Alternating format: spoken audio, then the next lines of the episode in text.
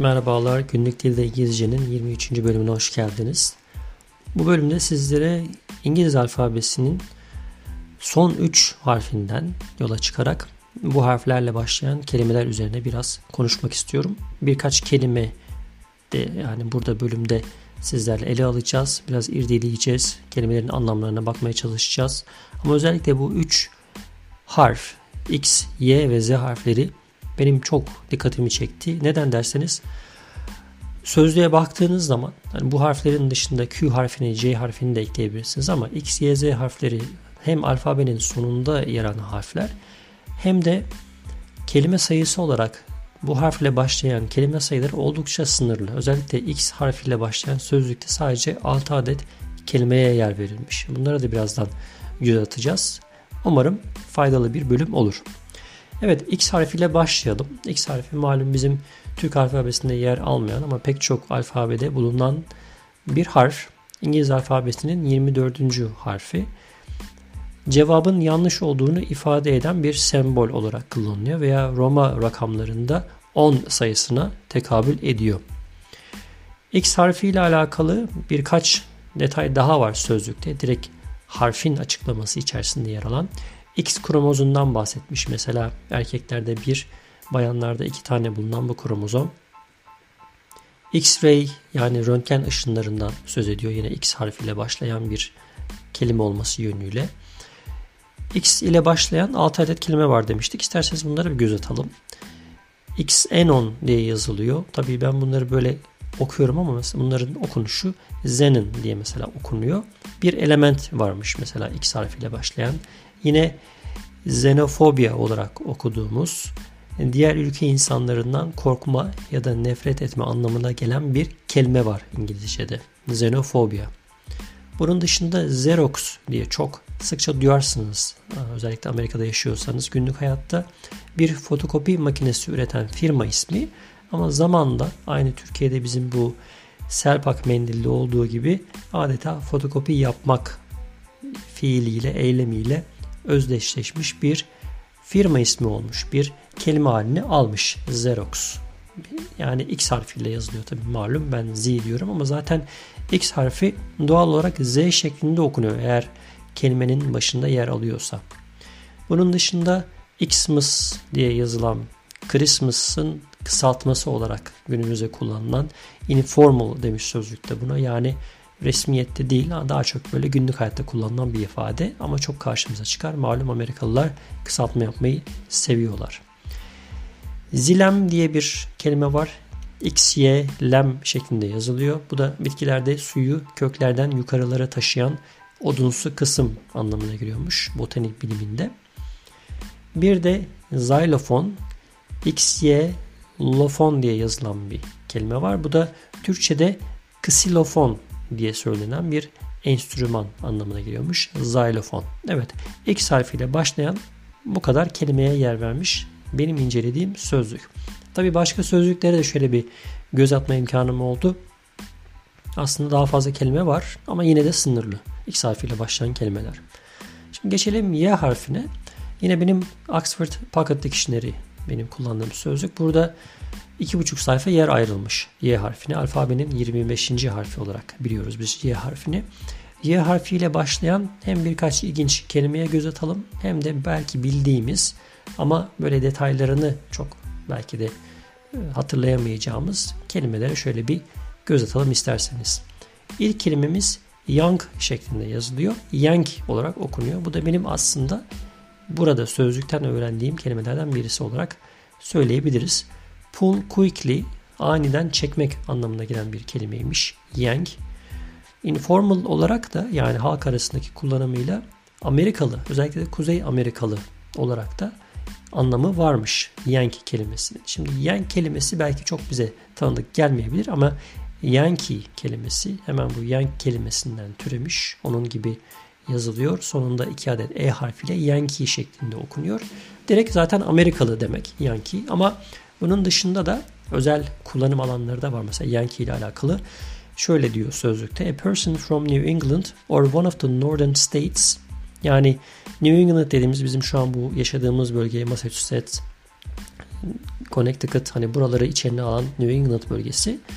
Buradaki eyaletlerde yaşayan bir kimseye Yankee deniyormuş.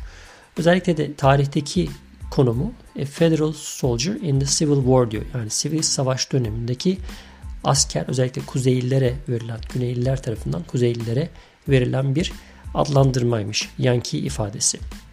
Malum biliyorsunuz New York Yankees diye de bir takım var. Bunu da antiparantez söyleyelim.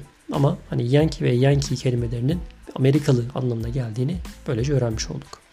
Bunun dışında Y harfinde ilginç kelimelerden böyle üzerinde durulması gereken kelimelerden bir tanesi de yard kelimesi. Yard kelimesinin birden fazla anlamı var. İlk olarak biz uzunluk birimi olarak biliyoruz yard kelimesini. 3 feet yani 0.9 metreye denk gelen bir uzunluk ölçü birimi yard. Onun dışında bir de bahçe anlamı var. Kelime anlamı olarak da şu şekilde geçiyor sözlükte. A piece of enclosed ground next to a building. Yani bir binanın hemen yanında yer alan bir toprak parçası.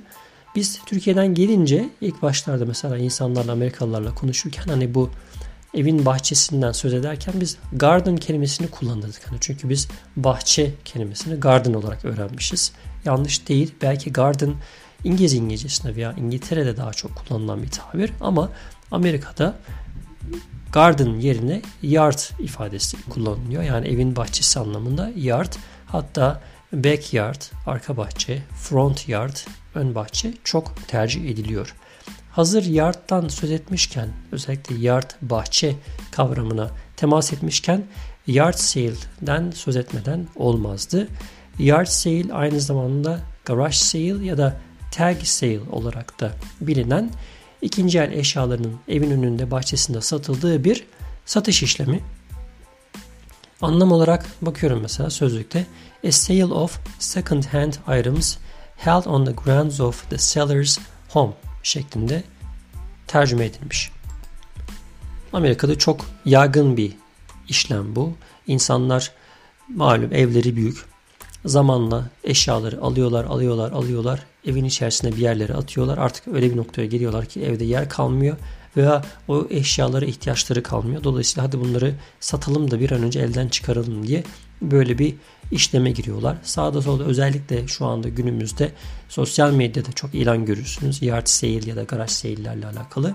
Oralardan insanlar gidip ihtiyaçları olan ürünleri oldukça makul fiyatlara satın alabiliyorlar.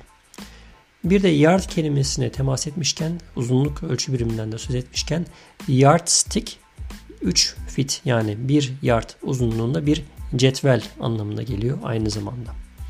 Y harfiyle son olarak burada söz etmek istediğim kelime pek çoğumuzun bildiği year kelimesi. Yıl, sene manasına gelen year kelimesi.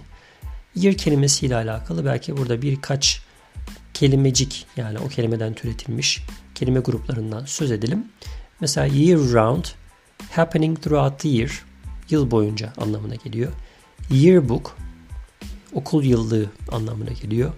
Yearling, bu enteresan mesela 1 ile 2 yaş arasındaki hayvanlara verilen bir isim. Yearling. Onun dışında yearly, her yıl tekrarlanan bir olay.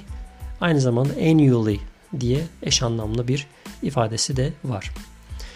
Evet, Y harfinin üzerinde bu kadar durduk. Belki daha fazla konuşulacak kelime var. Belki zamanla geri döner tekrar bu kelimeleri tekrardan bir irdeleriz. Şimdi geçelim Z harfine.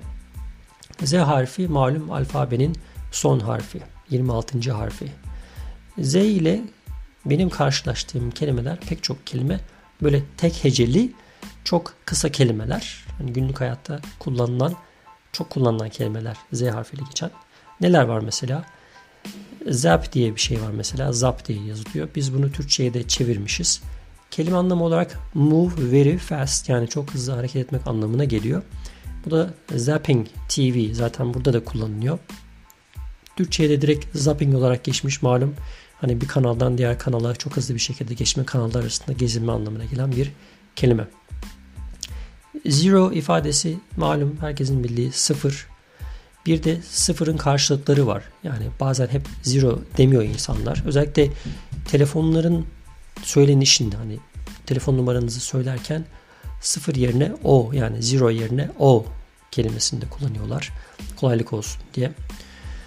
Bunun dışında zero anlamına gelen Z harfiyle başlayan veya Z harfiyle başlamayan bir takım kelimeler de var. Mesela zilch bunlardan bir tanesi.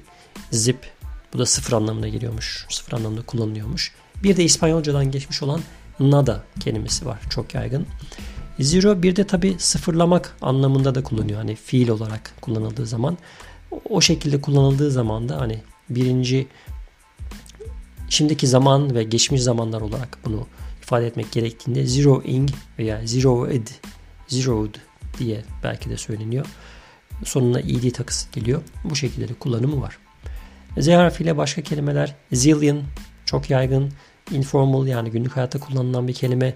A very large number of people or things. Zillion. Hani böyle milyonlarca, milyonlarca artık nasıl tabir edeceğiz Türkçe'de bilmiyorum ama sayıca çok fazla anlamına gelen bir ifadesi var. Zillion kelimesinin.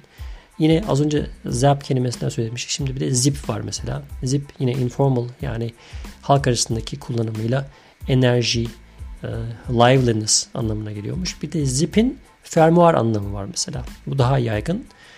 E, fiil olarak da zip move quickly anlamına geliyormuş. Bunun dışında bir de bilgi teknolojileri alanında zip kelimesinin kullanıldığı compress a file yani ziplemek diye bizim bildiğimiz kullandığımız bir ifadesi daha var zip kelimesinin. Yine zip ile ilgili zip'in üzerinden türetilmiş kelimeler olarak düşündüğümüz zaman zip code yani posta kodu çok yaygın Amerika'da. Ziploc bag mesela yine bizim çok kullandığımız fermuarlı poşetler Ziploc bag olarak çok kullanılıyor artık. Bu da bir marka ama marka ödesine geçmiş. Adeta onunla bütünleşmiş. Bir de fermuarını böyle kapatmak, fermuarını çekmek anlamına gelen zip up kelimesi var. Evet, alfabenin son 3 harfini, X, Y, Z harflerini ve bu harflerle başlayan bir takım kelimeleri değerlendirdik.